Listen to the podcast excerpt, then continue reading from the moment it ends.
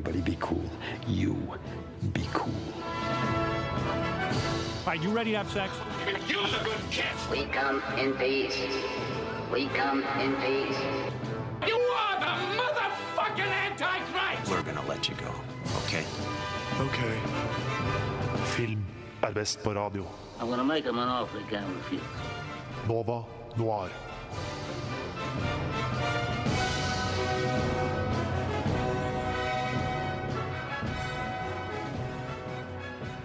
Hei, hei. Velkommen, velkommen, kjente og kjære, fjerne og nære, til enda en ny fullspekket sending her i Nova Noir på Radio Nova FM 99,3. Vi skal snakke om uh, veldig mye forskjellig i dag. Vi har uh, et par anmeldelser av nye kinopremierer. Vi har, skal snakke litt om de norske seriene som er uh, i omløp nå for tiden, og som kommer ut denne høsten.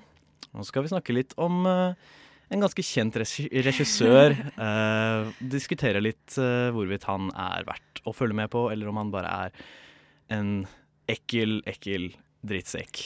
Uh, det tror jeg skal bli veldig hyggelig. Med meg i studio her har jeg den eminente Julie Oskar Andersen. Hei, hei. Hei, Julie. Ja. Her sitter jeg. Og bak spakene i dag har vi vår nye tekniker Emilie. Si hei. Dere hørte, hei. det, dere, hørte, dere hørte det. Flott, flott. Uh, det er eh, en våt, fuktig dag der ute i dag. Men du må si hva du heter. Mitt navn er Ravn Ness.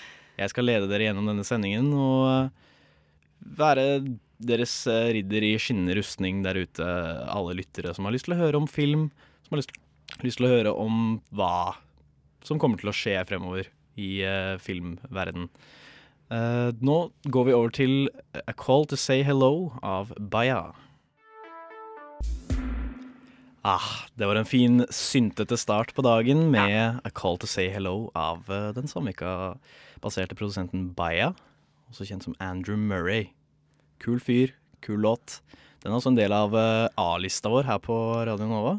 Det er en sprakende flott uh, Det er det beste av det beste. Det beste av Det det beste. nyeste av det nyeste. Crème de la crème, Helt sikkert noe du aldri har hørt før. Absolutt. Vi, vi holder musikkprofilen gående her på Radio Nova.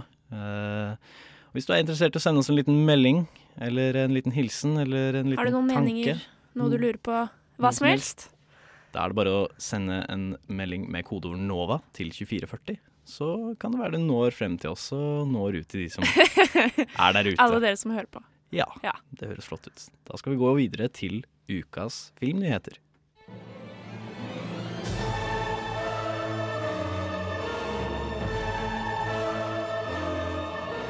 Well, hello, Mr. Fancy Pants. I got news for you, pal. You ain't leading but two things right now Jack and shit. And Jack left town. Nova Noir gir deg ukas filmnyheter. Det stemmer, du guddommelige stemme. Den er så alvorlig. Ja, men det er, det er alvorlig. Nyheter er jo litt, eh, litt alvorlig. Litt seriøst. det er det absolutt. Eh, her i filmverdenen, filmverden, der hvor det strør rundt seg og bare Det skjer jo ting hele tiden.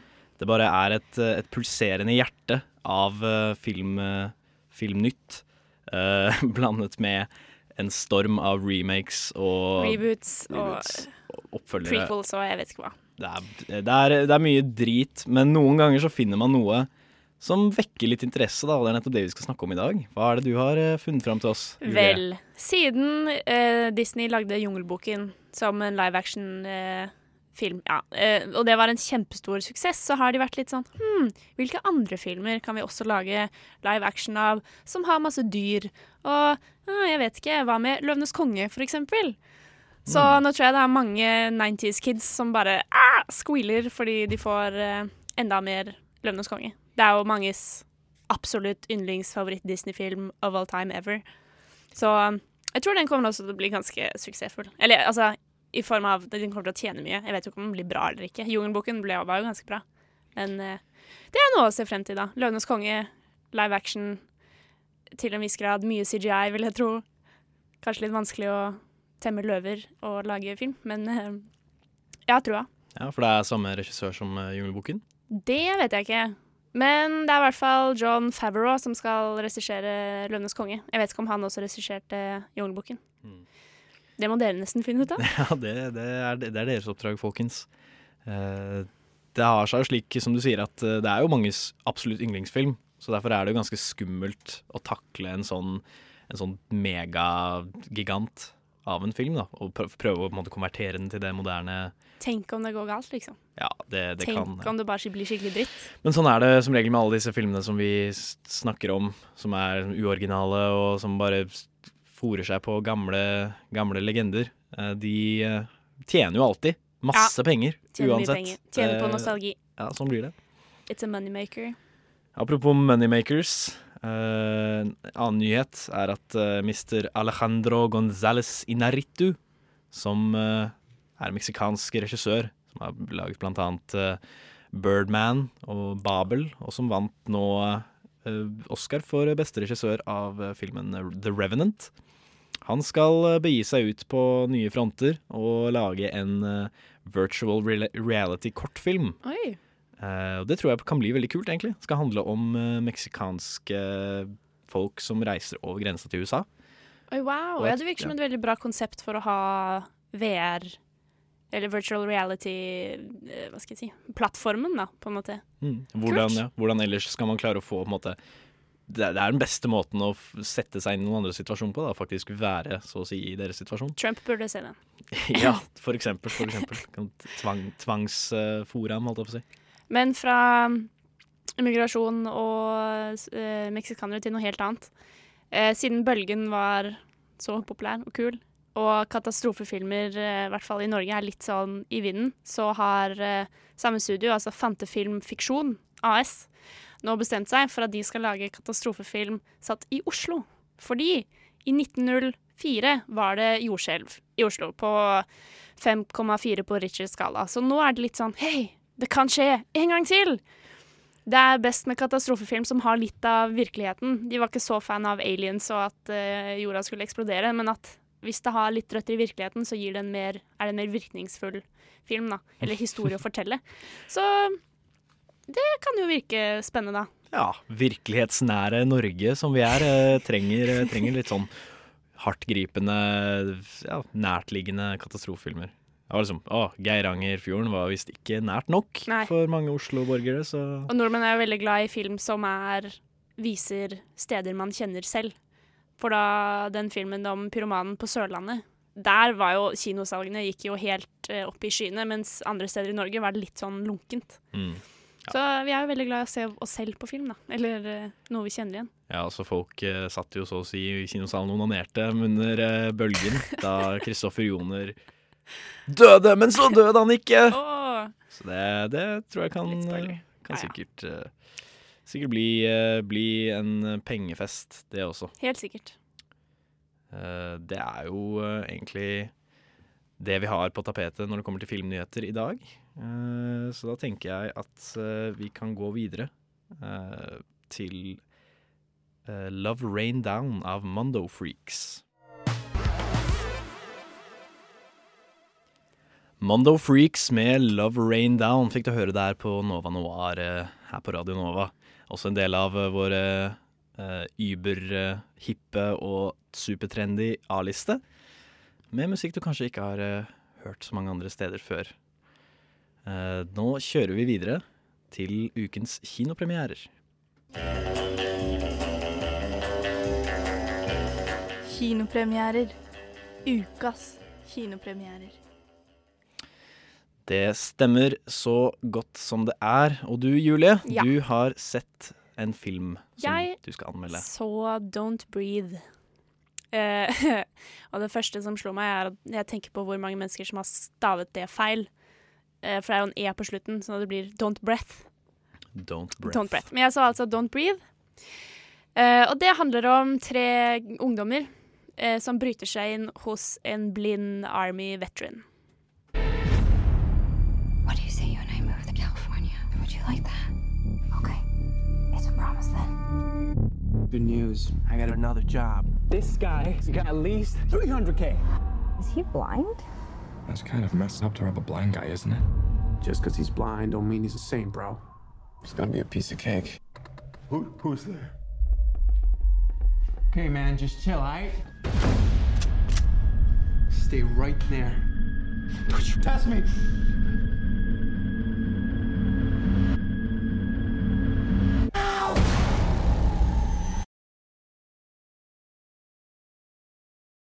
Den, eh, det er altså en skrekkfilm. Eh, disse tre kidsa, eller ungdommene, eh, bryter seg inn for å stjele De tror han gamle mannen, som også er blind, har masse cash. Fordi dattera hans ble påkjørt av en sånn snotty rich kid-jente. Eh, som ble frikjent, men de måtte betale masse penger, da. Så de får nyss om det. Og så er de sånn Ei, vi bryter oss inn der, for der er det mye cash å finne. Men det de ikke regnet med, var at han kanskje var litt mer enn bare en blind, gammel mann. Eh, for i det huset er det mye rart som foregår, uten å spoile for mye. Huset med det rare. Huset med det rare, den rare blinde mannen, ja. Så hovedpersonen heter da Rocky, og er eh, Bor i en trailer med hennes deadbeat mom, som har ny kjæreste etter at faren døde, og hun har en lillesøster, antar jeg, som hun må ta vare på. Og hun sier da å, vi skal ikke dra til California. Eh, bare du og jeg, hva syns du om det? Men hun trenger da disse pengene for å klare det. Så det er hennes hovedmotivasjon for å gjennomføre dette ranet, da. Som eskalerer veldig, og det blir høyere stakes etter hvert, og du er litt sånn De roter seg oppi Plutselig er det liksom ikke bare et enkelt ran lenger. Um, så hun drar dit med kjæresten sin, som er en skikkelig douchebag, og hennes bestevenn, som er litt forelsket i henne, da, som er ganske åpenbart. Så jeg var litt sånn Kommer dette til å bli litt sånn tragisk trekantdrama med sånn den tropen om at å, jeg er mye bedre kjæreste enn han drittsekken du egentlig er sammen med, vær sammen med meg istedenfor. Men det ble det heldigvis ikke. Noe jeg setter veldig pris på. Så det var noe de gjorde riktig, da. Bare så det er sagt sånn eh, med en gang. Ja. Er det noen uh, åpenbar grunn til at den heter Don't Breathe? Den heter Don't Breathe fordi denne veteranen er som sagt blind, sant? Og de tror at de har fått eh, slått han ut da, med en sånn kloroformbombesak, hjemmelagd ting, eh, hvilket ikke skjedde. Og han tar dem, eh, buster dem i huset, og de er sånn Oi, shit! Oi! Og så står de og holder pusten, mens han ene kjæresten er sånn Ei! Tok med en pistol og er sånn Ikke kom nærmere! Og så slåss Dette skjer helt i starten. Så slåss da denne veteranen og han kjæresten, og så dør kjæresten til slutt. Så de er litt sånn Oi, shit! Han fyren her er uh, crazy. Batshit. Han vil drepe oss hvis han finner oss. Så hele filmen går ut på at de ikke skal bli funnet da, av den blinde mannen i hans eget hus. Så det er litt sånn katt-mus uh, uh, Hva skal jeg si forhold. Eller de løper og gjemmer seg, og han kommer litt sånn Hvor er de? Hvor er de? Og det er Hjertet sitter opp i halsen på deg, i hvert fall. Du kjenner veldig på den uh, følelsen, vel fordi lydbildet i den filmen var ekstremt godt. Og jeg satt selv i salen og tenkte over Oi, så høyt jeg puster. Det var litt ubehagelig. Litt sånn shit. Um, så det er eh, Det var et veldig godt prinsipp, da. Et veldig godt konsept. Å Mm. skape spenning på grunnlag av det, da. Og jeg liker godt eh, filmer generelt, eller da også skrekkfilmer, som er De prøver ikke å være for mye. Det er et ganske enkelt konsept. Det er en ganske enkel etablering av en historie. Og det er liksom ikke Ja, når det er sagt, um, så tar det litt av. Så det er et punkt i handlingen som er helt bare sånn Du sitter der, og det blir nesten litt komisk, for det er så utrolig over the top og dramatisk. Men jeg føler at det er et litt sånn Enten så kommer du til å elske filmen for det, eller så kommer det til å være sånn det kommer til å ødelegge filmen for deg. Eh, for det er litt Ja. Dere, må, dere skjønner det når dere ser den. Men den er fortsatt verdt å se, altså. Bare sånn det er sagt. Føler du at uh, den eh, stigmatiserer eller eh, glorifiserer blinde Altså, mennesker? den glorifiserer det ikke. Jeg tror ikke den stigmatiserer det heller, for det, han er jo veldig kapabel, han, uh, han veteranen. Eh, og du får på en måte se hvordan han kjenner huset sitt, og hvordan han klarer å eh, gå i kjelleren med alt dette rotet, for han er sånn OK, der er den bjelken, da tar jeg til venstre, her, der er den saken. Uh, som er ganske interessant å se, da. Og jeg vet at det var en annen skrekkfilm som kom for ikke så lenge som het uh, Hush, hvor det var en dame som var døv, og så er det en mann som prøver å bryte seg inn i huset hennes, og så er det litt sånn Det er litt i tiden, da, virker det som. Ja, det er, jo, det er jo veldig stilig å leke seg litt med sånne Ja. funksjonshemninger. Det gir jo noen gode muligheter for hvordan du lager filmen din, og hvordan du kan leke med forskjellige elementer og hvordan du da eh, Det er en sekvens i den filmen hvor han skrur av lyset. Eh, og da istedenfor å få sånn teit sånn infrarød kameravinkel eller sånn varmesyn eller et eller annet sånn bullshit for at vi som publikum skal kunne klare å se hva som skjer, så putter de bare på en sånn grå tåke.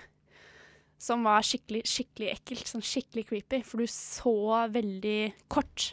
Og du så ikke hvor Så ikke noe avstand. Så det kunne hende at han sto i enden av gangen.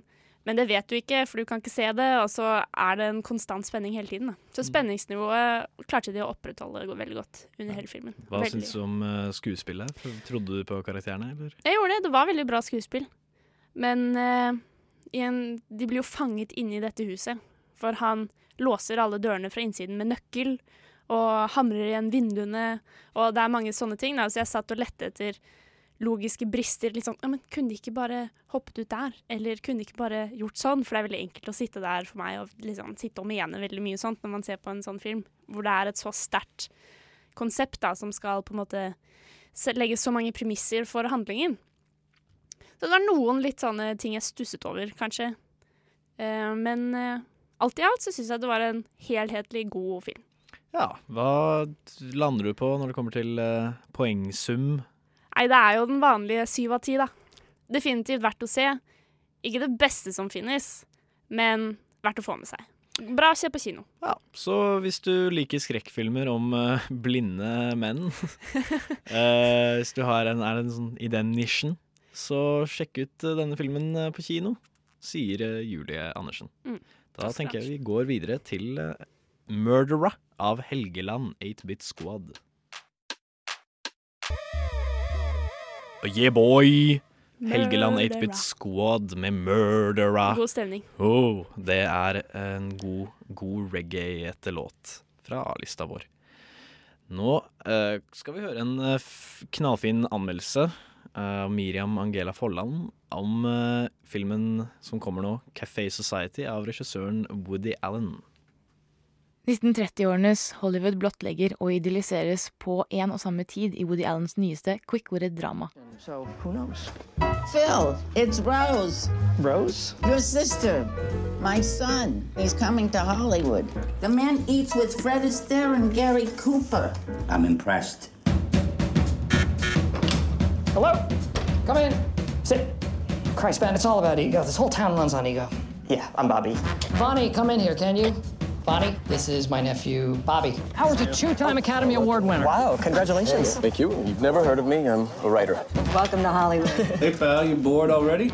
I'm kind of half bored, half fascinated. Woody Allen-filmer har blitt en slags sensommer staple, og hvert år, føles det ut som i hvert fall, gambler jeg og drar på kino i håpet om å se den neste Annie Hall eller Vicky Christina Barcelona. Fjorårets uh, Irrational Man ble etter min mening undervurdert, men eh, var absolutt ingen umiddelbar klassiker. Håpet var stort til Café Society, spesielt etter at en liten titt på rollelisten viser at det er en del gull der. Opplevelsen ble noe godt og blandet. Unggutten Bobby Dorfman, spilt av Jesse Eisenberg, reiser fra mor og far i New York for å finne mening og livsgnist i LA ved å jobbe under sin suksessfulle filmprodusentonkel, portrettert av Steve Carell. Bobby blir med en gang betatt av den første vakre kvinnen han møter, onkelens sekretær Bonnie, spilt av Kristen Stewart, og dramaet utfolder seg. Noe som jeg syns spiller virkelig til filmens fordel, er at alle hovedkarakterene er eksepsjonelt usympatiske, og man liker ingen av de. Og det er jo på en måte trekk ved Alans filmer som i hvert fall jeg setter utrolig stor pris på, og egentlig ikke har gått lei av ennå. Jeg elsker å se gjennomført kjipe karakterer. Og gjennom de usympatiske karakterene opplever man også den usympatiske virkeligheten eh, av Hollywood. Og i typisk eh, Woody Allen-tro så står jo New York og dens karakterer egentlig som en sånn motpart til dette, da eh, den oppleves som et glansbilde i forhold. Skuespillet må diskuteres når rollelisten er så interessant. Eisenberg, Stewart og Corell ser kanskje ut som en særs nedtonet og underdrevet kombo, men eh, det funker egentlig ganske bra, ass. Spesielt så vil jeg trekke frem Kristen Stewart, da jeg synes hun skinner igjennom som filmens absolutte høydepunkt. Hennes tolkning av denne avslappede, selvsikre, men kjærlighetsforvirra kvinnen er utrolig god, og bør ikke overses. Stewart gjør kanskje hvert fall den beste rollen jeg har sett henne i, og beviser for alle at hun virkelig, virkelig kan spille. Jesse Eisenberg derimot Altså, Eisenberg er Eisenberg. Jeg kan ikke hevde at han utfordrer seg noe veldig. Men han er egentlig ganske god i denne rollen. Det er en sånn typisk rolle for han. En slags, slags Det virker jo egentlig som om det, denne rollen er en slags selvportrett eh, av en 1930-talls Woody Allen. Og der passer en litt eh, nevrotisk eh, Jesse Eisenberg helt utmerket. Steve Carell i karakteren som kynisk Hollywood-produsent fungerer og ikke fungerer på samme tid. Han passer til den kyniske delen, men han virker til tider liksom malplassert i Kanskje ikke i tiden, men i filmen som helhet, og Allens uttrykk. Han eh, er i hvert fall veldig underbrukt. For han er, er ikke så mye i filmen, og det er jo synd. Fordi man skulle trodd at han bare er en eller annen B-listeskuespiller, hvis man ser på karakteren og dens utfoldelse, eh, og ikke liksom Oscar-nominerte gode, gamle Steve Carell. Blake Lively, derimot, er et lyspunkt. Til tross for at hun eh, var en av de mindre rollene, så var hun, mm, eh, sammen med Kristen Stewart, det som gjorde mest inntrykk på meg av hele filmen. Noe som virkelig overrasket meg, da jeg har vært lite imponert av hennes tidligere skuespillerprestasjoner. Men i denne rollen så gjør hun en virkelig utmerket jobb, som rører gjennom dens underspilte og sårbare natur. Uforutsigbar til tross for at den er fylt med disse typiske Woody Allen-karakterene og tematikken. Vi har jo selvfølgelig en yngre kvinne som er sammen med en eldre mann, og vi har kjærlighet og identitet og um, hvem er vi, og hvem blir vi, og man endrer seg og kjenner seg ikke igjen, og alt det greiene der. Men den, ja, som jeg sa, uforutsigbar til tross for det. Og den er på en måte særdeles mindre glorete enn det den ser ut på traileren, så hvis du er bekymret for det, så syns jeg den ikke er like glorete. Den er litt glorete. Men den toucher ved noen virkelig sånn vakre og sårbare temaer. Men dog litt for lite. Jeg skulle ønske Alan tok det litt lenger. Kunne vi gått litt dypere inn i Vonnie, eh, Christian Stewarts karakter, eller Veronica, som er eh, Blake Lively's karakter? Kan vi ikke se litt mer av de, istedenfor Jesse Eisenberg? Det blir ikke så interessant. Café Society er morsom, teit, glorete, sårbar, kjedelig, interessant og overraskende nytbar på en måte som bare Woody Allen klarer å få frem. Går denne inn blant Blue Valentine og Annie Hall? Nei. Men jeg vil si at i min hylle, i hvert fall, så står den ikke så langt unna Midnight in Paris og Irrational Man. Syv av ti. Der hørte du Miriam Angela Follands anmeldelse av den nye Woody Allen-filmen Café Society. Og Woody Allen er en uh, Omstridt. omstridt karakter. Karakter, ja. Absolutt. En, eh, en vandrende skygge uh, i filmverdenen. Og han skal vi prate litt mer om senere i sendingen. Kommer og, noen sterke meninger om Woody Allen senere. Ja, du har eh, en del å si om han, Julie. Det, det, det skal du ha. Det tror jeg skal bli ganske koselig og kanskje litt forskrekkende. Og kanskje til og med litt rørende. Vi får nesten se det an. Eh, nå skal vi høre 'Love The Way' av Quavius. Ah. Det var deilig. Det var en, Det var en deilig sang. eh, Flotters, flotters bra, bra låt, altså. Det syns jeg altså. Det var eh, 'Love The Way' av Quavius. Og nå skal du få høre en anbefaling av filmen 'Youth' av Bjørn Christian Sveen. Iblant kan det være fint å ta seg et øyeblikk. Slå sansene på, skru tankene ned og la tid være tid. Den neste gangen du føler for å ta deg et øyeblikk, vurder å la det øyeblikket være youth. Filmen kom ut i 2015, er skrevet og regissert av Paolo Sorrentino og inneholder navn som Michael Kane, Rachel Weiss og Harvey Keitel. Filmen er lagt til et høyfjellshotell slash spa i de sveitsiske alpene, der den aldrende komponisten Fred Ballinger, spilt av Michael Kane, har slått seg ned. Do you know who composed that piece that you're practicing? No. Who? Me. You will not be bored because I have arranged the full service for you. You're going to have a massage, a sauna, checkups with the doctor every single day. My age, getting in shape is merely a waste of time. Filmen i seg selv er nesten en slags spa-opplevelse, der det er fullt mulig å la plottet falle litt i bakgrunnen og bare nyte to timer med en visuelt svært vakker film. med flotte landskapsbilder av den sveitsiske alpenaturen som aldri anstrenger øynene mer enn det som er strengt nødvendig.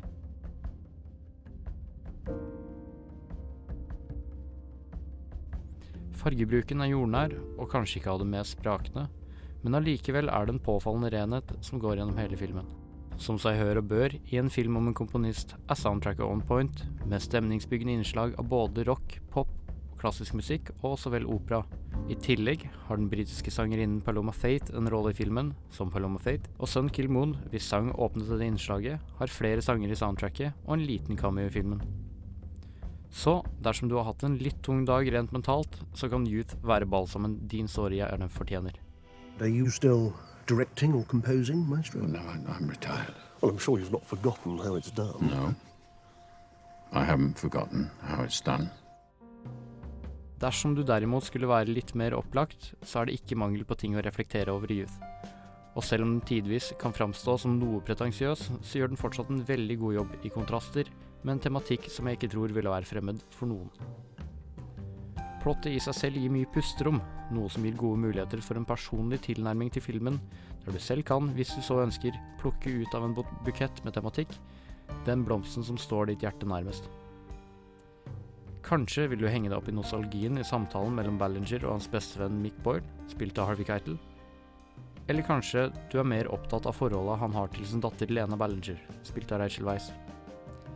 I Youth er mulighetene her mange, og kanskje det mest appellerende aspektet ved filmen kan være at når, har, når den så er sett, og øyeblikket er over, så er gjenstørrelsesverdien stor nok til at denne filmen er et godt valg neste gang du trenger et øyeblikk.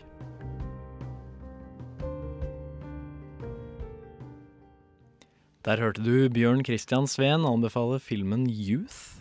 Den fikk jeg lyst til å se. Ja, Mm. jeg også. Jeg er, er eh, hardbarka Michael Kane-fan, Michael Caine er jo best. Ja, han har, Rachel Wise er altså ganske bra. ordentlig trygghet, den mannen, altså. Han, eh, han gir deg liksom en sånn, sånn erkebritisk, eh, deilig, chiller'n følelse, på en måte, men samtidig som han er en sånn ordentlig standhaftig. Ja, jeg liker det med han. Passer veldig godt også i eh, Batman når han spiller eh, Ja, litt sånn Al- sassy Alfred. butler. Så gøy.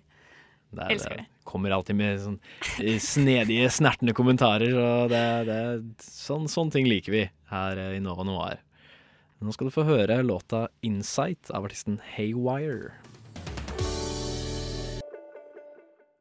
Det var 'Insight' av eh, Haywire, en artist som er signa på Monster Cat eh, Records. Uh, fet låt, fett opplegg. Men vent, du har Monster Cat, og så har du et som heter Mouse Trap. Det er jeg aner et tema. Eller sånn Begge, begge deler er kanadiske for øvrig. Jeg får kanskje introdusere meg. Olav. Ja, vi har fått med oss eh, studio. herr Olav Haraldsen Roen her i studio. Han skal anmelde en liten film for oss. Og apropos det, nå kjører vi videre med ukens kinopremierer.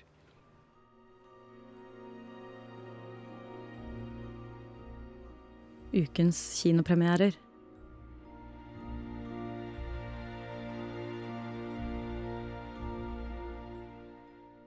Olav, Hei, du. du har vært på kino og sett Storkene 3D. Eh, ja, eller den heter vel egentlig bare Storkene, men det var, eh, det var i 3D jeg så den, altså. Helt riktig. Eh, Storkene er en animasjonsfilm eh, som tar for seg et univers hvor storker har levert barn til sine respektive familier i, eh, ja, det som virker som evigheten, da, men plutselig så har de gitt seg med det.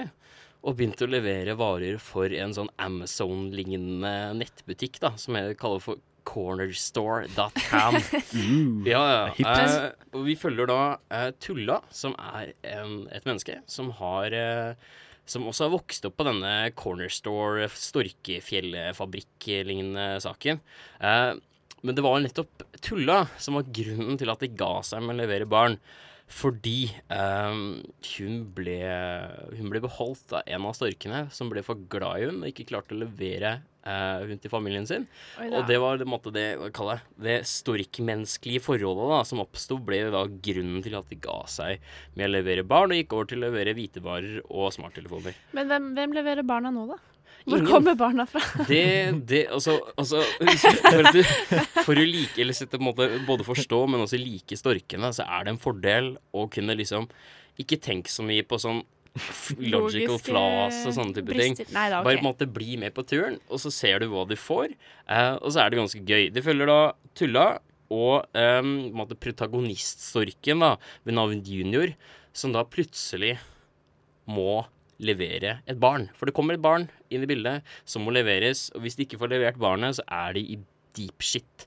Det er på en måte hele greia, da. Og så er det flere forskjellige typer ja, karakterer og forskjellige instanser som vil stoppe dem i forhold til nettopp det her. Så er det liksom Historien går mye ut på ja, junior og hans forhold til mennesker, da. For det storkenes forhold til mennesker, men også Tullas forhold til det å ikke ha uh, møtt foreldrene sine.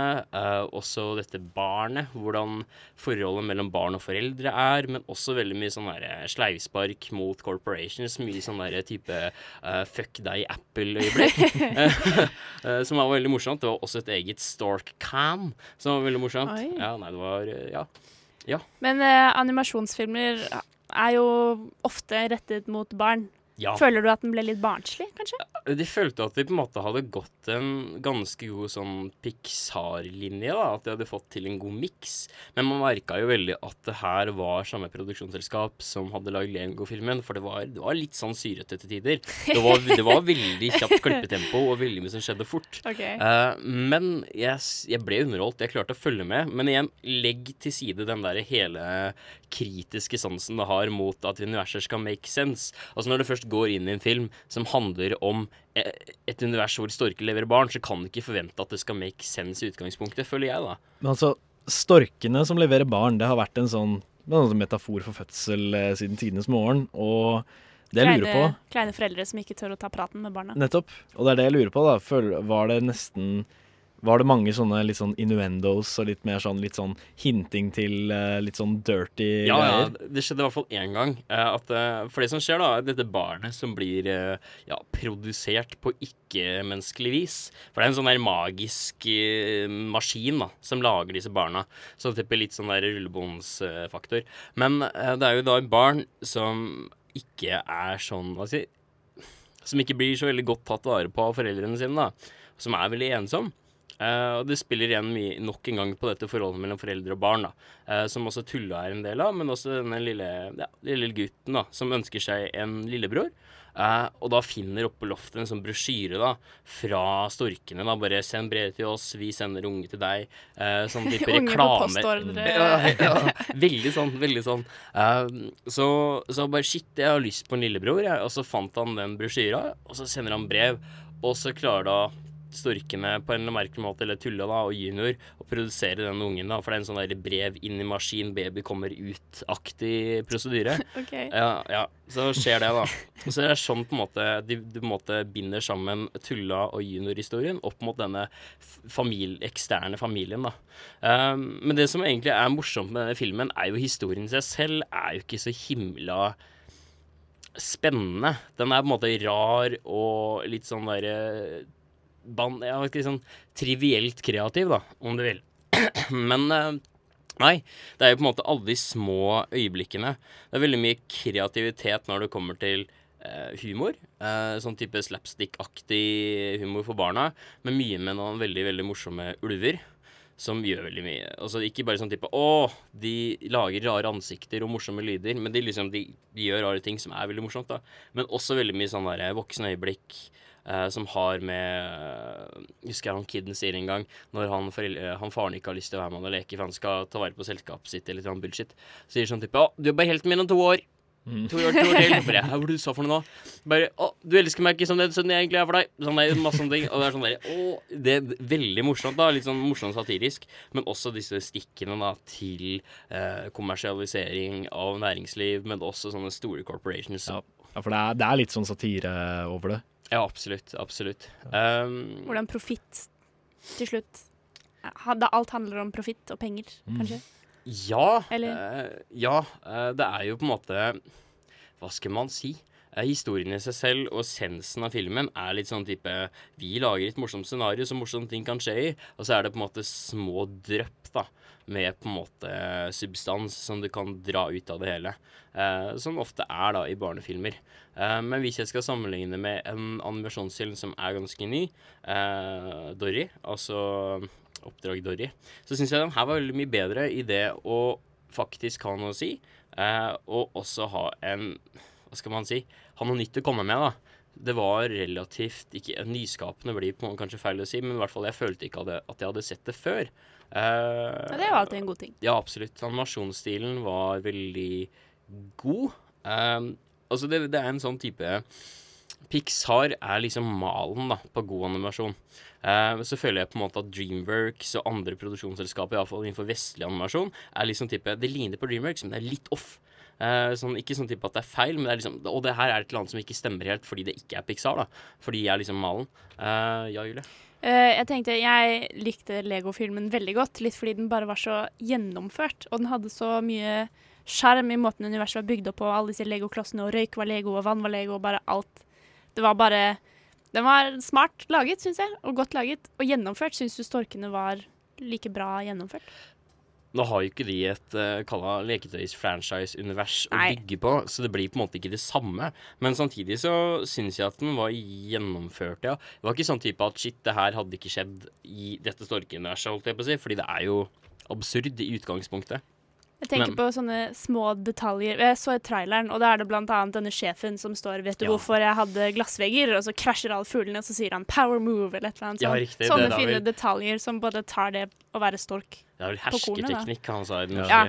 Ja. Men ja, men han eh, Hunter, som han heter, eh, som er da denne macho, digre, breiskuldra, ørnelignende fuglen som styrer da denne cornerstar.com-fabrikkbygningen, han er jo eh, en av mine favorittkarakterer. Han er veldig morsom.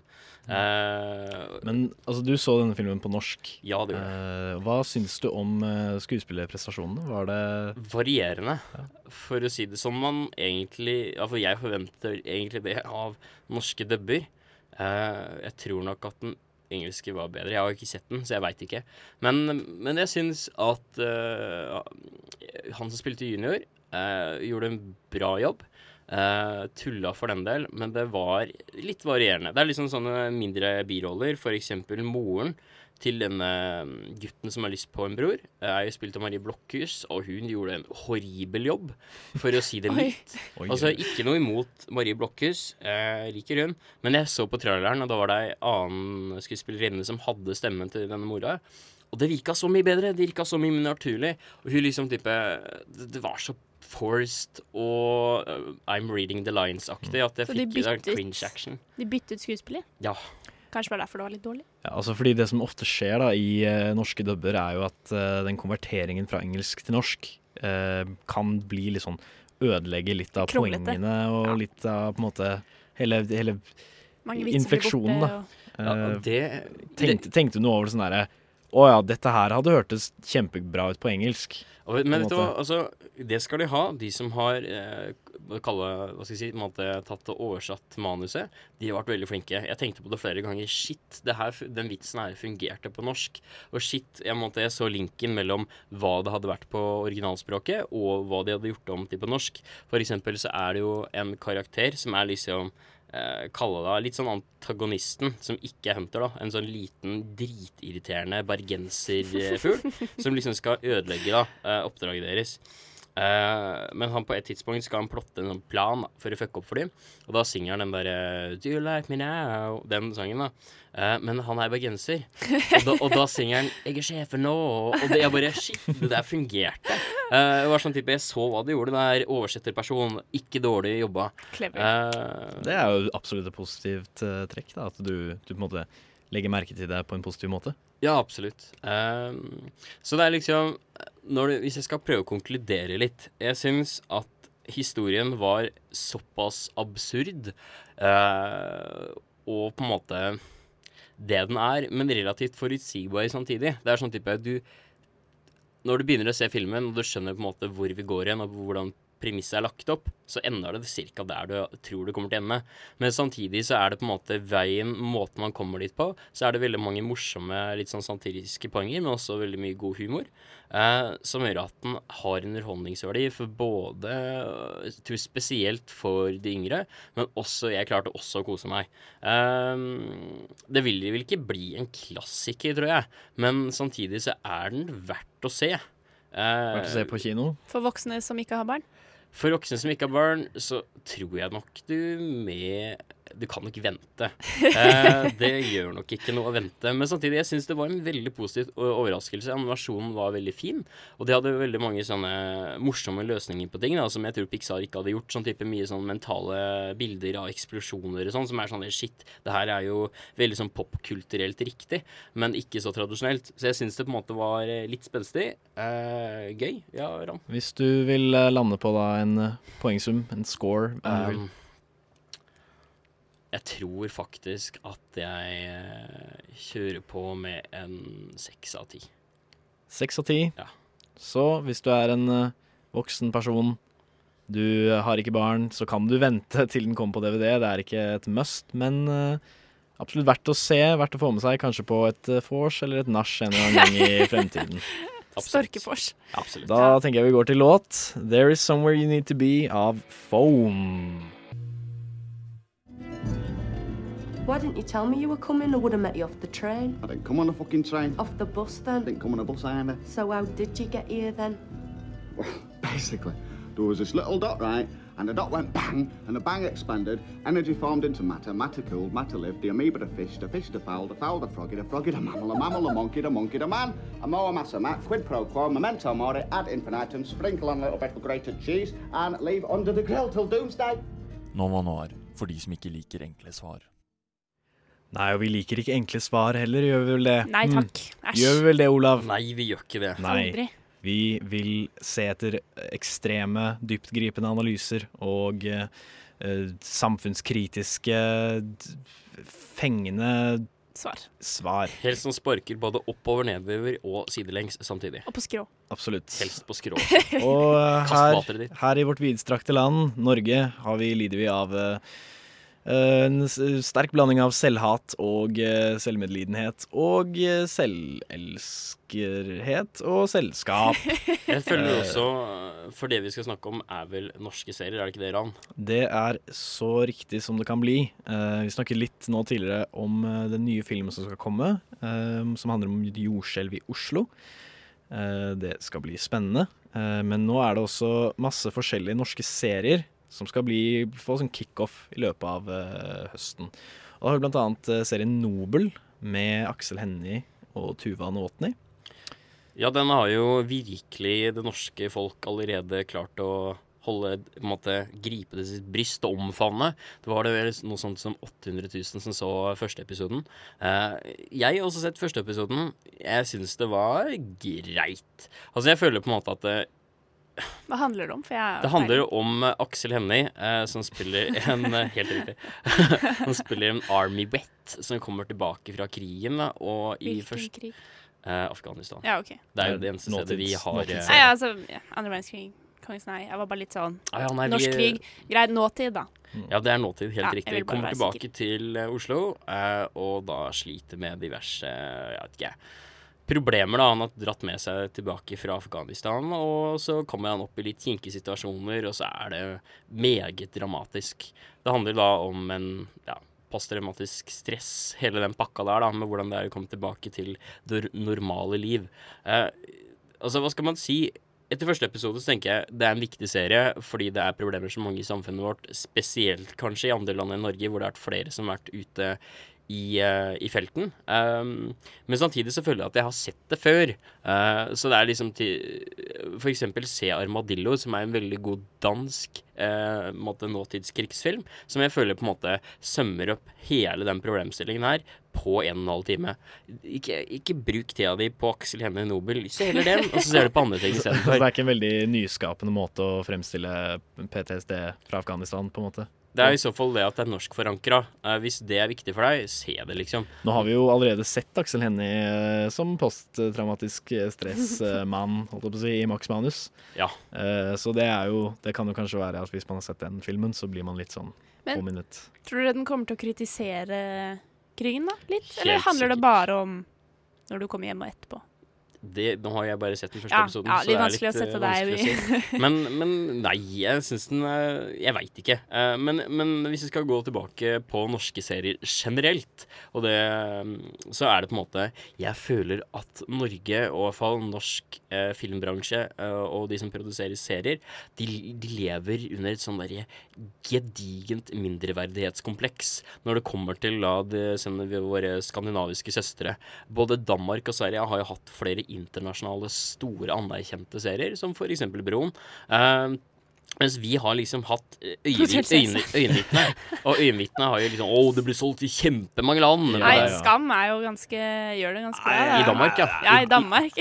Altså, nå, nå er det jo sånn at uh, akkurat uh, as we speak, så pågår det jo et foredrag, uh, eller en rekke foredrag, som går under navnet Nordiske seriedager, og det er jo nettopp på en måte et slags sånn tegn på at eh, nå er det Norges tur, nå skal vi kjøre på, folkens, nå skal vi gå internasjonalt, og uh, Nobel og liksom Aber Bergen, som også er en sånn ny Altså, hva serie. slags navn er det? Aber Bergen? Jeg vet ikke. Jeg håper det kommer frem i serien. Jeg, jeg, jeg jeg skjønner ikke hvorfor den heter Aber Den Bergen. er, er eh, rart for dere som ikke vet det, det er en uh, serie som handler om uh, noen advokater. Spilles av uh, Odd Magnus Williamson, blant annet. Eh, Han er jo litt kul, da.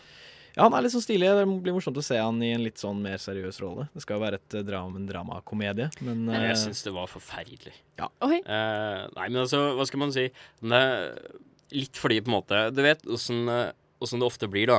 uh, spesielt i norske dramaer. Dessverre. Jeg vil jo gjerne at mitt uh, kjære land skal produsere veldig mye bra, og ofte så gjør vi det. Men når det skal bli litt sånn der samfunnssatirisk drama og diverse, så blir det så jævlig halvhjerta. Bare, og nå er det dramatisk fordi det er dramatisk. Det er på en måte Det er ikke noe Altså, det, det får ikke noe følelse av at det faktisk har noen betydning, det jeg ser på, da. Jeg føler at Norge Det er så lite, og vi har så lite å lage serie og film om. Det er liksom Ja, norsk natur er pen å se på. Og Frikjent var jo ganske Det var Ja. jo ikke dårlig, men jo- det er jo ja. ikke dansk eller svensk krim. Nei. Det er jo noe de gjør veldig bra. Det føler jeg at Norge Ja. har vært litt sånn Vi kan se på min, da, gutta. Hei. Men det er ikke Norge er ikke kriminelt nok. Eller jeg vet ikke. Det er ikke store nok temaer altså, å ta tak i. det virker som om eh, norsk eh, filmverden spiller veldig på det som du sier, eh, mindreverdighetskompleks. Der hvor de tenker at hvis vi bare gjør det samme, men i Norge, Ja, så er det ja, det er, da, er det, nok. ja, er det liksom nok. Det, det er jo ikke sånn. Hva hvis det ikke var svenskt? Men hva hvis det var norskt? Ja, ja, nettopp. Oh. Men samtidig så føler jeg at vi, kan ikke svartmale det helt. Nei, vi har kommet med veldig flere gode filmer og serier i Norge også, men problemet mitt er at hvorfor kan vi ikke da bruke muligheten vår til å skape nytt content som faktisk har en, ja, en, en slags nyskapende verdi, da? Men jeg Det er det jeg savner litt, egentlig. Uh, men samtidig så er det jo Jeg veit ikke. Jeg syns jo den Øyenvitneserien var uh, ganske god. Eh, den var ikke feil. Uh, inn på filmfronten så er det også mye som har vært ganske bra. Trier er jo vår eh, store skatt. Men, uan, uh, men uansett, da, så føler jeg vi har mye å gå på. Og så kan vi kanskje prøve å legge bort denne Nordic Noir-bobla litt. Et Ja. lite øyeblikk, liksom. Ja, nå er det jo ikke, også som du sier, det er jo ikke kun mørke, dystre, forferdelige ting som er i fremtiden for norske serier heller. Det er jo også Vikingarne, som er en eh, slags sånn, kalles en blanding av Game of Thrones og Monty Python. Som det er, eh, jeg det ja, jeg trodde som- det bare var tull, jeg, da jeg så den Ja, samme her. eh, Jeg trodde det var en det prank, liksom. Jeg tror humor, humor er kanskje noe vi burde satse på mer enn krim. Jeg syns norsk humor er eh, har sine høydepunkt. Vi får se om den er uh, morsom for uh, resten av verden, eller om den bare er morsom for Norge. Altså, det, det, er jo, det er jo en suksess å klare å, å få en, altså få mange fans i Norge også. Det er ikke sånn at man må slå an internasjonalt for å ha liksom klart noe som helst. Nei, det er akkurat det, da. Eh, jeg tror også det er kanskje det fella, den, den fella som mange går i, da.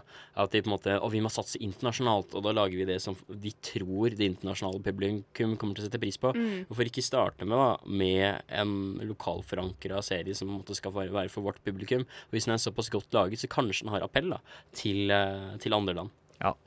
Det konkluderer med det at uh, Det er eh, håp. Ja, det er håp for norsk film og serie, uh, men uh, ikke nødvendigvis noe obligatorisk for oss å slå an internasjonalt. det, det kan, vi kan bare ta, ta tiden og, og Ta det på hjemmebane først. Vi har ikke dårlig tid. Da går vi videre til 'Hjertebank' av Pikekyss.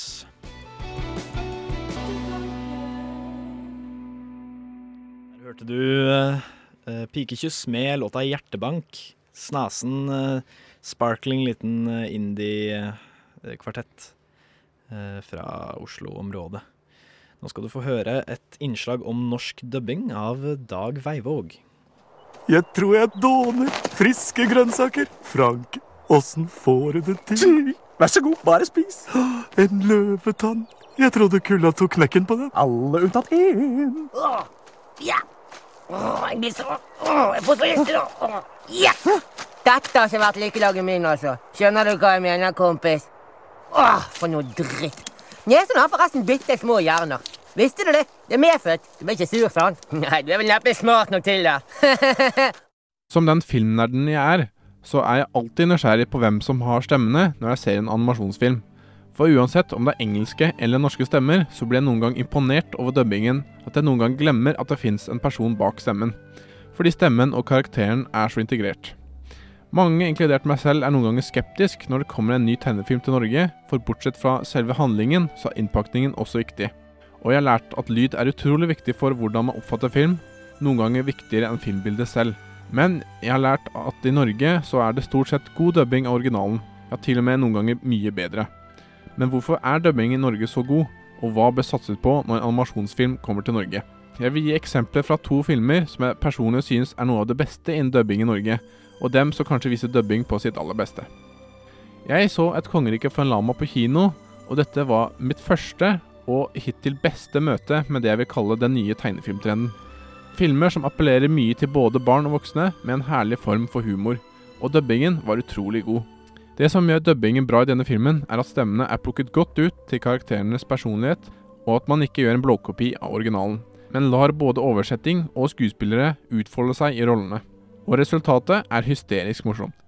Nå er alt gjort klart til i kveld. Ja da, vi starter med litt suppe og en lettsalat, og så ser vi hva vi føler for. Ikke middagen. Det du vet. Å ja, du mener giften. Giften til Kusko. Den giften som du valgte for å drepe Kusko. Kuskos gift. Den giften. Ja, den giften! Kristoffer Schou er for meg den som gjør den beste dubbingen i denne filmen. Han er utmerket i rollen som den naive og dumsnille assistenten Krung. Omtrent alle replikker har en herlig innlevelse, og jeg kommer nok aldri til å kikke på originalutgaven av denne filmen, stort sett fordi jeg ikke kan tenke meg noe annet i denne rollen. Hei, du. Bruker du den gaffelen der? Nei, vi kjenner hverandre.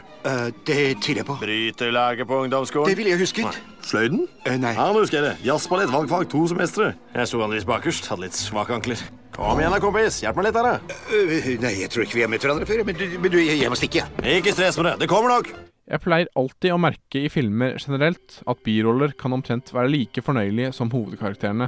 Og i animasjonsfilmer er dette gjort på et herlig vis. Et godt eksempel er Scrat i Istid. Og når en birolle er både like fornøyelig og morsom som resten av karakterene, så oser det gjennomarbeidet av filmen tvers igjennom. Jeg kan noen ganger være stille i salen over noen morsomheter, for så skrattelig over en plutselig kommentar som kommer helt ut av det blå. Som denne, eksempel. Hei du, Pasha! Slektningene dine har vært her. Slektninger? Ja, vi setter dem opp til huset ditt. Hvordan så de ut? Ja, så kan vi se, Det var en svær fyr, og så var det en eldre dame som Ja, hun var eh, hva, Kan ikke du beskrive henne? Ja, Intenst motbydelig. Ja, der har du det! Istid er en film som jeg vil si er et av de beste eksemplene på hvor god dubbing vi har i Norge. Filmen har tre sentrale hovedkarakterer som filmen bygger rundt, og derfor øker dette også fokuset på hvordan disse blir personliggjort gjennom stemmer. Den jobben Otto Jespersen, Dagfinn Lyngbø og Sven Nordin har gjort, er fantastisk god. Enkeltvis er de gode, men sammen er de, for å bruke en klisjé, som dynamitt. Han er sikkert sulten. Hva med litt melk? Å, ja, gjerne. Ikke du, til babyen. Det er dessverre litt dårlig med kefir i puppen min for tiden. Du er litt langt nede på næringskjeden til å være kjekkas. Hold opp! Hold opp! Hold opp! Jeg tror også at dubbingen også overgår originalstemmene i denne filmen. For der Ray Romanos Manfred har en sløv stemme, så gir Otto Jespersen Manfred mer pondus og tyngde, og Otto har også en gjennomarbeidet og herlig sarkastisk humor, perfekt for Manfred. Vær så snill. Jeg ber deg, jeg trenger han. En sånn smellvakker kar som deg? Å, det er bare noe de sier. Nei, helt alvorlig. Se på deg sjæl, da. De damene har jo ikke kjangs til å motstå deg. Du har en veldig ond sans for humor. Dagfinn Lyngbø har alltid vært en stor standuper og komiker i mine øyne, og i rollen som Sid vises alle hans sider til fulle. Lekenheten er nok Dagfinns beste side. Det må en god porsjon energi og kontakt med sine herlige barnslige sider for å fylle en slik rolle godt. Hvor er alle sammen? Kom igjen, da, ellers kommer vi for seint til hva Til hva Til vandringen. De har dratt uten meg.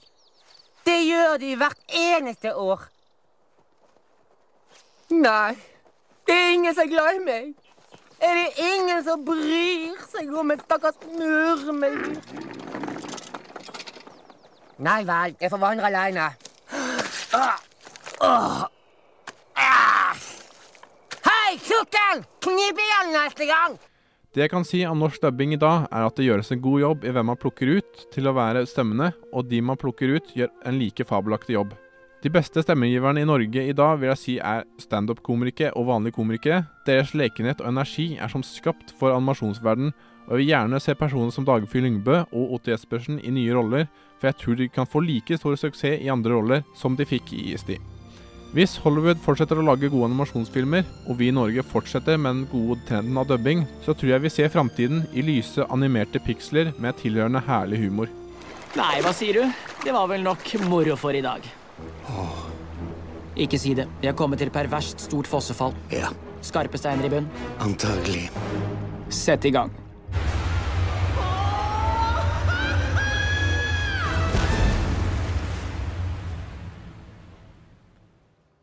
Der hørte du et innslag om eh, norsk dubbing av Dag Veivåg. Eh, nå skal vi gå videre til en spalte jeg er eh, ganske glad i, som heter Geni eller kønt. Å, han er et geni. Nei, han er en jævla kønt! Å, han er et geni. Nei, han er kønt. Geni. Kønt. Eller kønt. Eller geni. Eller kønt. Køntegeni. Ok. Geni eller kønt. Eller kønt, eller det stemmer. Dagens offer, eller eventuelt helt, det finner vi kanskje ut av, er uh, selveste Woody Allen, sjø. Det er uh, var, Vi hørte et innslag i stad, en anmeldelse om uh, hans nye film 'Café Society' av eh, Miriam Folland. Og eh, da tenkte vi litt sånn Er eh, Woody Allen egentlig innafor å like? Eh, Med tanke på den litt sånn strabasiøse måten han lever livet sitt på, og den litt, kanskje litt sånn selv, selvgode måten han lager filmer på. Ja, for nå tar vi hele personen Woody Allen i betraktning. Ikke bare filmskaping, men bare sånn virkelig alt. Ja, han er jo en veldig interessant karakter. Uh, men jeg vet i hvert fall du, Julie, du har veldig mye meninger om Woody Allen. Jeg liker ikke Woody Allen. Altså, unnskyld meg. Du kan ikke bare ditche kona di for å bli sammen med dattera hennes, og så bare være en OK fyr. Altså, hvor skrudd er ikke det? Ja, en altså- ting, en, okay, okay, ok, ok. En ting er liksom at det er 35 års aldersforskjell. Det er litt sånn man finner kjærlighet overalt. Men at det måtte være stedattera di Det er jo helt sinnssykt! Ja, men han er, han er bare litt sånn eksentrisk, ikke sant? Han, er, han, han, han gjør litt sånn rare ting. Altså, Det hjelper jo ikke at han putter seg selv inn i omtrent nesten alle filmer han noen gang har laget, med en eldre mann og en yngre kvinne som finner kjærligheten på tross av ditt og datt. Jeg er bare litt sånn Hei, se på meg! Jeg vil bare rettferdiggjøre mitt eget syke sykevalg, fordi jeg kan. Ja, men altså, for å argumentere for noen av valgene hans, da Uh, som- Hadde du blitt samme sted da, Iran? Er det det du sier? jeg, jeg, jeg, jeg har ikke sagt noen ting ennå. Jeg har ikke sagt noen ting ennå. Kanskje en dag når jeg blir 50 år gammel og merker at uh, Vet du hva, kona mi holder ikke mål lenger. Nå trenger jeg en eh, Trenger jeg ungt uh, Ungt blod? Ungt blod. Ja, OK. Så da, skal jeg Deg om kjøre. Woody Allen. eh, for all del. Nei, det var ikke det jeg skulle si. Det jeg skulle si var at uh, han er jo en veldig sånn klassisk sånn nevrotiker, da. Han er sånn, det er det som så å si er varemerket hans. Og uh, det at han har puttet seg selv inn i så mange filmer som han har, gjør jo selvfølgelig at han er en Han ender opp med å nesten bli en slags parodi av seg selv. Men det jeg vil si, er at han passer jo veldig godt inn i de rollene han setter seg i. Han er jo veldig han, han Når det er du som lager filmen, så, så klart. ja, ja, men det er det som er, da. At han på en måte Han, han lager filmen, og han, han blir jo da på en måte Han skreddersyr jo filmen litt sånn for sin egen rolle. Eh, og det er jo selvfølgelig omstridt tema, det med regissører som putter seg selv inn i sine egne filmer. Og at du puler stedet Ja, og sånn, men, unnskyld meg, hvordan er men- ikke det men det Julie, mest kontroversielle temaet med Woody Allen? La oss nå ikke henge oss opp i Nei, nei. Altså. Jeg skjønner hva både Julia og deg, Julia, og du, Ram, mener. Um, men altså, hva skal man si? Altså, det finnes jo veldig mange ja, idioter, da. Altså på en måte forferdelige mennesker som har skapt veldig mye bra. Og å kunne skille mellom da Ja, du kan være en idiot eller da en kønt, men samtidig være et geni som får til å produsere gode ting som har substans og har verdi. Altså, Hvis du f.eks. ser til musikkverden, hvor mange idioter, alkoholiserte, eh, psykopater er det ikke som har skrevet fantastiske låter og skiver? Ikke sant? Da på en måte Jeg føler greit nok når det kommer til privatlivet til Woody han er en pikk. Han er en skikkelig ekkel fyr. Men samtidig, han har jo obviously klart å skape veldig mye bra. Så jeg på en måte Ja, han er en pikk, men ja, han er jo også Noen filmer jeg er verdt å se. Ja, men det er, altså, det er jo derfor vi snakker om uh, nettopp uh, Woody Allen, da, fordi han har sånn, så mange sånne veldig ambivalente kvaliteter. Uh, og eh, jeg vil absolutt argumentere for at han er jo en veldig original regissør. Han er en person som er sånn Jeg er meg selv 110% og jeg ber ikke om unnskyldning for hvordan jeg er til Eller for noen. at jeg puler stedattera meg Ja, sånn, eller det. Sånn Ja. veldig sånn Men, men Julie, er det med at han puler, puler stedattera si? Hva har det med filmene hans å gjøre? Nei, bortsett fra at omtrent nesten ja, Jeg vet ikke hvor mange av filmene hans som har eh, eldre mann og yngre kvinne-forhold. Ja, det er litt Bare det spekulativt. creeper meg litt Det ut. skinner- litt det fordi skinner gjennom. han er så inni det selv, på en måte. Det skinner veldig gjennom. Det er jo ikke alle filmer som har det. Jeg liker Blue Jasmine ekstremt godt. Det er en av mine yndlingsfilmer for alltid. Midnight in Paris. Uh, nei, den var sånn OK. Litt sånn pretensiøs og litt sånn nostalgi er så bra. Du kan ha sånn Woody Allen-bingo med nesten alle filmene hans. Litt sånn Å, nevrotisisme. Check. Å, Uh, et forhold som er minst 25 år med en eldre mann og en yngre kvinne. OK, check. Å, eh, der har vi Woody Allen selv. Greit. Check. Det er litt sånn nostalgi og mimring. Check, check, check. Det er Men, men det er vel ikke så veldig hva skal man si, rart at en regissør har en sånn gjennomgående rød tråd innenfor tematikk og hvordan han lager filmene sine, akkurat som alle andre kunstnere eller folk som produserer kreative ting, har ja, visse ting de liker å ha med, og ting de på en måte mønstrer og ting de pleier å gjøre. For eksempel hvis du måtte Et veldig godt eksempel fra musikken, er, som kan ta fort. Det er et sånn meget omdiskutert band som er et sånn post-punk-aktig eh, band som heter Lost Profits. Som var veldig populært sånn 2006-aktig, men så fant, eh, fant de ut at vokalisten hadde ja, eh, voldtatt eh, flere mindreårige jenter. Og det, og det er jo virkelig ikke OK. Men samtidig kan man da tenke seg, er musikken da Altså Musikken var jo veldig populær, og mange syntes den var veldig god. Men er musikken da noe dårlig, selv om han er en eh, kriminell og en psykopat og en idiot? liksom? Men perpetuerer han da den hva skal jeg si, holdningen i musikken? At det bare er helt OK å voldta mindreårige jenter? For jeg føler litt av det skinner Altså ikke veldig, men at det skinner litt igjennom med Woody. Litt fordi han er så til stede i sine egne filmer. Var det det samme? Ja, altså, Vokalisten er jo også til stede i sin egen musikk, så jeg vil påstå det. Og så har han Sa han liksom yeah, nå skal jeg gå og voldta en 14-åring? Nei, men Party, uansett så føler jeg på en måte og det kunne skille mellom eh, privatlivet til en person og virke blir på en måte et veldig klart skille for meg. da. Eh, så jeg føler på en måte Han er flink, men på priv privat så er han en pikk. Men Woody Allen putter jo privatlivet sitt omtrent i hver eneste jævla film han lager. Det er jo det han lager film om. Omtrent. er- hans drømmer og håp og nostalgi og mimring om gamle, gamle tider. Det er jo det tider. på en måte Woody Allen-filmene har blitt, da. Eh, så vi kan jo da konkludere med at han er han er en kønt, uh, som mange Du kan si at hans kønthet eh, skinner igjennom i filmene han lager, men uh, hvis du er litt glad i den litt sånn nevrotiske, litt quirky eh, humoren da, som Woody Allen har, så er det anbefalt å sjekke ut. Han, han har absolutt satt et fotspor i filmhistorien. Jeg slutter ikke å være vennen din fordi du liker Woody Allen-film. Jeg bare vil ikke være venn med Woody Allen Nei, nettopp. fordi han er kønt. Da tenker jeg vi går videre til uh, låt. Her kommer The Fox and the Rabbit av folkduoen Windmills and Giants. Det var låta The Fox and the Rabbit av uh, Windmills and Giants. En uh, snerten liten folkduo fra Sandvika-området. Her får du høre en uh, profil av stemmeskuespilleren Agnes Fasting av Therese Søyland. Hei, Denise! Hva gjør dere? Jeg digger når dere ikke med naturkreftene. til kreftene. Det er ikke alle skuespillere som kan si at de har en catchphrase som en generasjon barn kan sitere. Agnes Fasting er en av disse. Har du aldri hørt om henne? Kanskje ikke så rart, men er du mellom 20 og 7 år, har du garantert hørt henne en gang. Agnes er nemlig stemmeskuespiller. Kanskje du bare har drømt? Nei, jeg så Totoro! Totoro? En sånn skogkjempe som i boka vår? Mhm.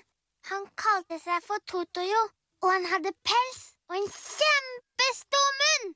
Og så var det en liten en, og en litt større en, og så en diger en som snakket masse! Agnes Fasting ble født i mai 1994 og starta som dubber i 2007 da hun var tolv. En av de første rollene hun hadde, var som lille prinsesse i serien med samme navn. Det var broren hennes som først rønna med i studio, der hun spilte inn stemmeprøver. Litt seinere fikk hun sin første kinofilmrolle som meg i Min nabo Totoro. Hvor har du tenkt deg hen, da? Det er tid for formiddags, og jeg er sulten. Hva skal du spise, da? Kanskje pasta? Kanskje ris? Å komme inn i bransjen i så ung alder betyr at du mest sannsynligvis kommer til å fortsette i den til du ikke vil mer. Og det har vel Agnes gjort. Hun har hatt flere TV-roller, og er kanskje mest kjent som Isabella fra Disney Channel-serien Finnis og Ferb, eller Cece fra Disneys Shake It Up. Hun har òg spilt i flere filmer, bl.a. som Arietta i Ariettas hemmelige verden. Ifølge Agnes sjøl var det å dubbe Arietta noe av det morsomste hun har gjort.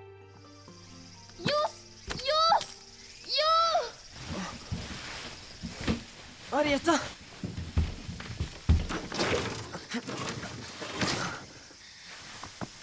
Mamma er forsvunnet. Taket har blitt tatt av. Jeg tror et neske har tatt henne.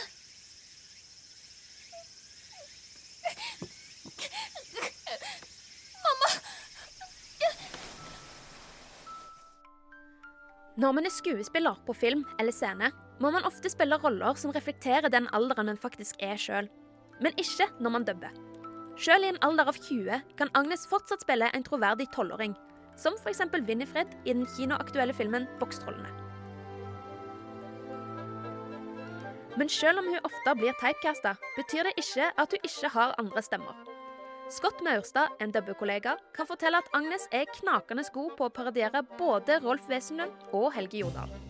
Hvis jeg kommer på å hjelpe deg, må du gjøre nøyaktig som jeg sier. Jeg lover. Ålreit. For det første, ta av deg boksen.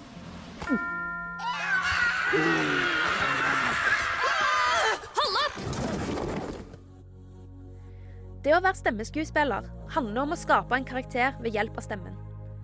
Den originale stemmen kan være til hjelp, men man lager fortsatt en helt egen norsk karakter med sin stemme. Dette er noe Agnes får utrolig bra til.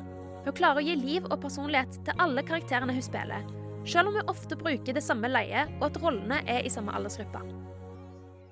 Rektor! Showet går helt strålende! Og jeg har så mange fortryllende ideer til nye episoder.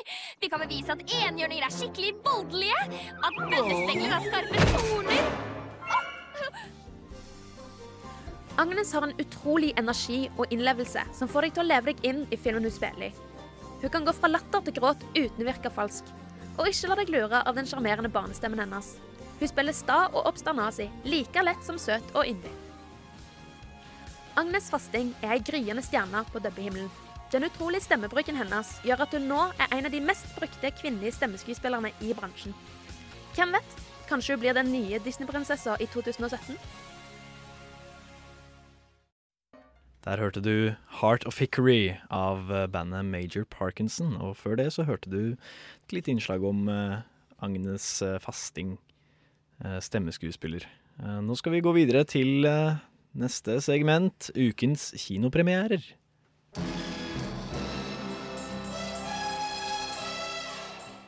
Ukens kinopremierer.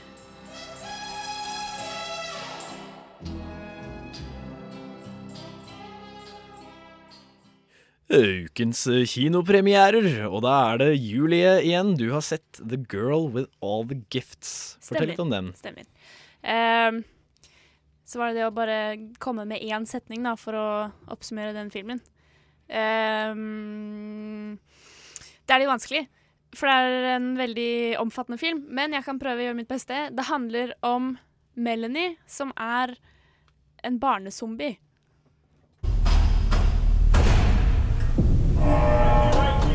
Rise and shine. Come on up you get.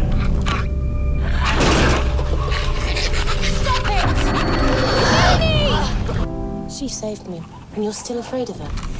Yeah, and you should be too.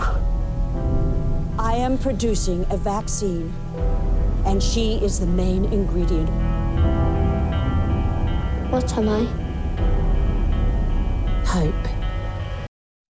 Det er altså 'Girl with All the Gifts'. Uh, det, er, det var en veldig, veldig kul film. Det var noe jeg ikke hadde sett før innenfor zombiesjangeren, noe jeg setter veldig pris på.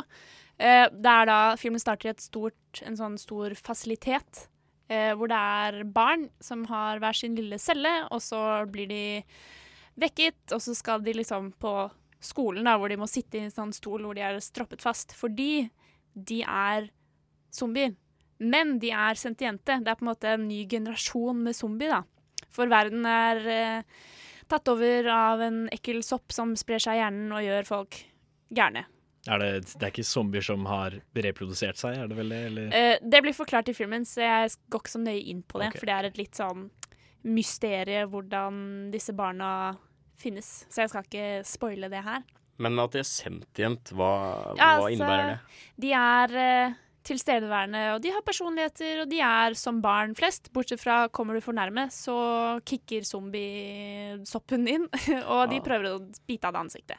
Mm. Så de går rundt med en sånn fancy sånn blocking gel som de da må smøre på hender og ansikt og hud som er eksponert, hvis eh, de først har begynt å bli litt sånn rabiate, da. Og så er zombiene i denne filmen her var veldig godt fremstilt. Og de hadde en helt sånn kjempeekkel vane som var liksom å bite sånn. Det var, nei, det var kjempeekkelt. Lydbildet var veldig bra. Og måten de hadde liksom dramatisert zombier på, var effektiv, da. Men får du til å sånn. bry deg om zombiene? Altså zombiebarna? Eh, bryr deg jo veldig om Melanie, da. For hun er litt bedre enn de andre zombiebarna. Har litt mer selvkontroll, er veldig smart og veldig nysgjerrig. Og liker veldig godt eh, læreren sin, som heter eh, Helen Justino. Eh, og forholdet deres er litt spesielt, da. Mm. Men så, Så- filmen sentrerer på en måte rundt, rundt Melanie, og hennes eh, reise, så Ja. å si. Jeg vil ikke Det skjer Det er mange endringer i filmen, og mange eh, twists and turns, som det ofte er med zombiefilmer. Så jeg vil liksom ikke gå for langt inn på hva som skjer, da, direkte. Høres veldig saftig ut. Ja, eh, det, er, altså. det var en veldig spennende film, men jeg følte at den første halvtimen Nei, ikke halvtimen, første halvdelen var litt sterkere enn slutten, fordi det er alltid vanskelig å avslutte sånne store zombiedystopier med en fin sånn knute, eh, og liksom si 'her, vær så god'. Sånn er det. Sånn blir det ordnet opp i, eller ikke. Det er jo alltid litt vanskelig, føler jeg.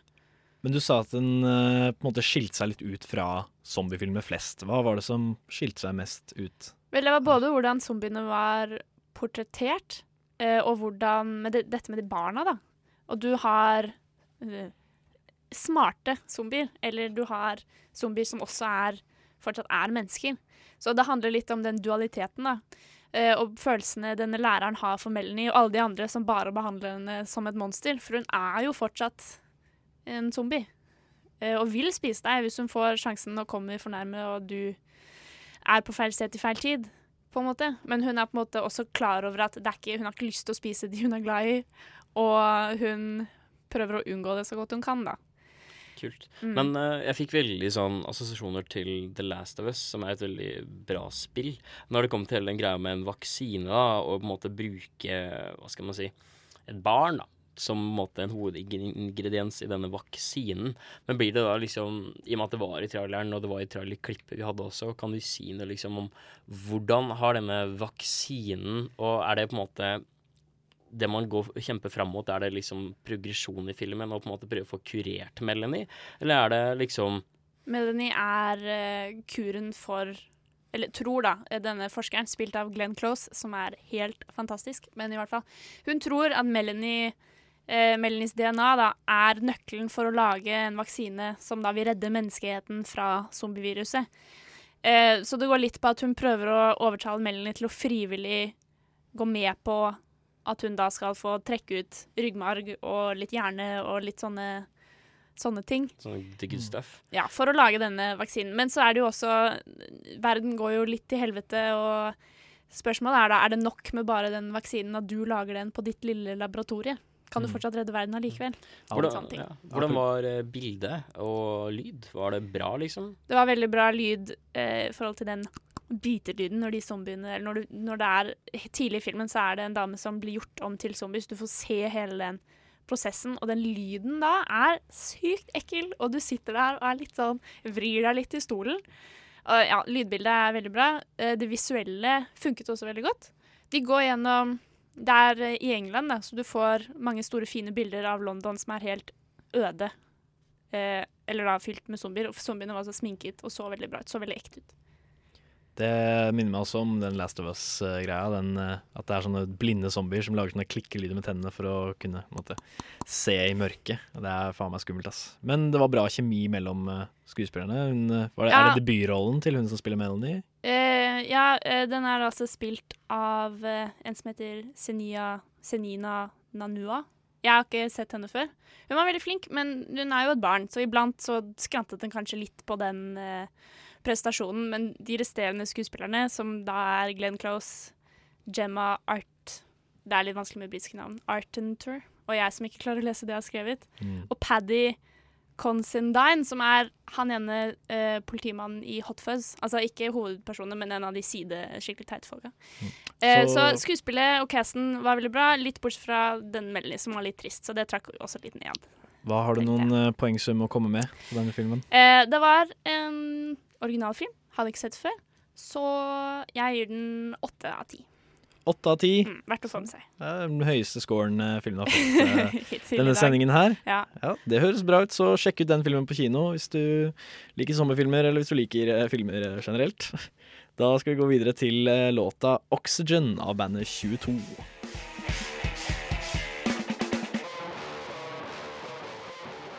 What's your name, my dear? My name is Ula Inga Hansen Benson Jonsen, Tollen Holland Svaden Swanson. Oh, wait, wait.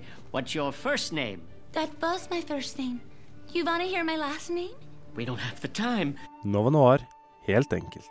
Ula sing and dance. Nettopp. Nettopp.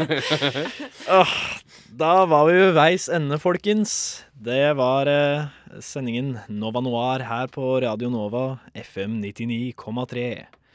Jeg- Mitt navn har vært uh, Ravn Næss. Med meg i studio har jeg hatt uh, Julie Oskar Andersen og Olav Haraldsen Roen, som kom som en ridder i skinnende rustning midt inni her. Og bare, var så koselig at han bare ble.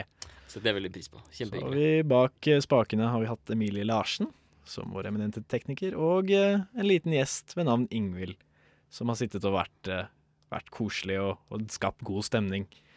Vi har hatt eh, masse forskjellige ting. Vi har hatt litt eh, anmeldelser, vi har hatt litt eh, innslag. Blant annet et innslag om norsk dubbing av Dag Veivåg. Og et innslag om Agnes Fasting, stemmeskuespiller av godeste Eline Ivarsson. Vi har anmeldt filmene Don't Breathe, som fikk syv av ti. Se den hvis du liker skrekkfilm. Vi har anmeldt Storkene-filmen. Storkene 3D, så godt som den heter. Eh, fikk seks av ti. Morsom eh, komisk animasjonsfilm med litt sånn ny satirisk vri. Café Society av Woody Allen fikk seks av ti. Liker du Woody Allen veldig godt, har lyst til å liksom kanskje være stedattera hans, eller noe sånt, så sjekk ut den filmen. Og Girl With All The Gifts, som fikk åtte av ti. Sendingens høyeste score. Og hvis du liker zombiefilmer, så sjekker du ut den på kino. Da tenker jeg vi sier at det var det. Takk for oss. Ha det bra. Ha det.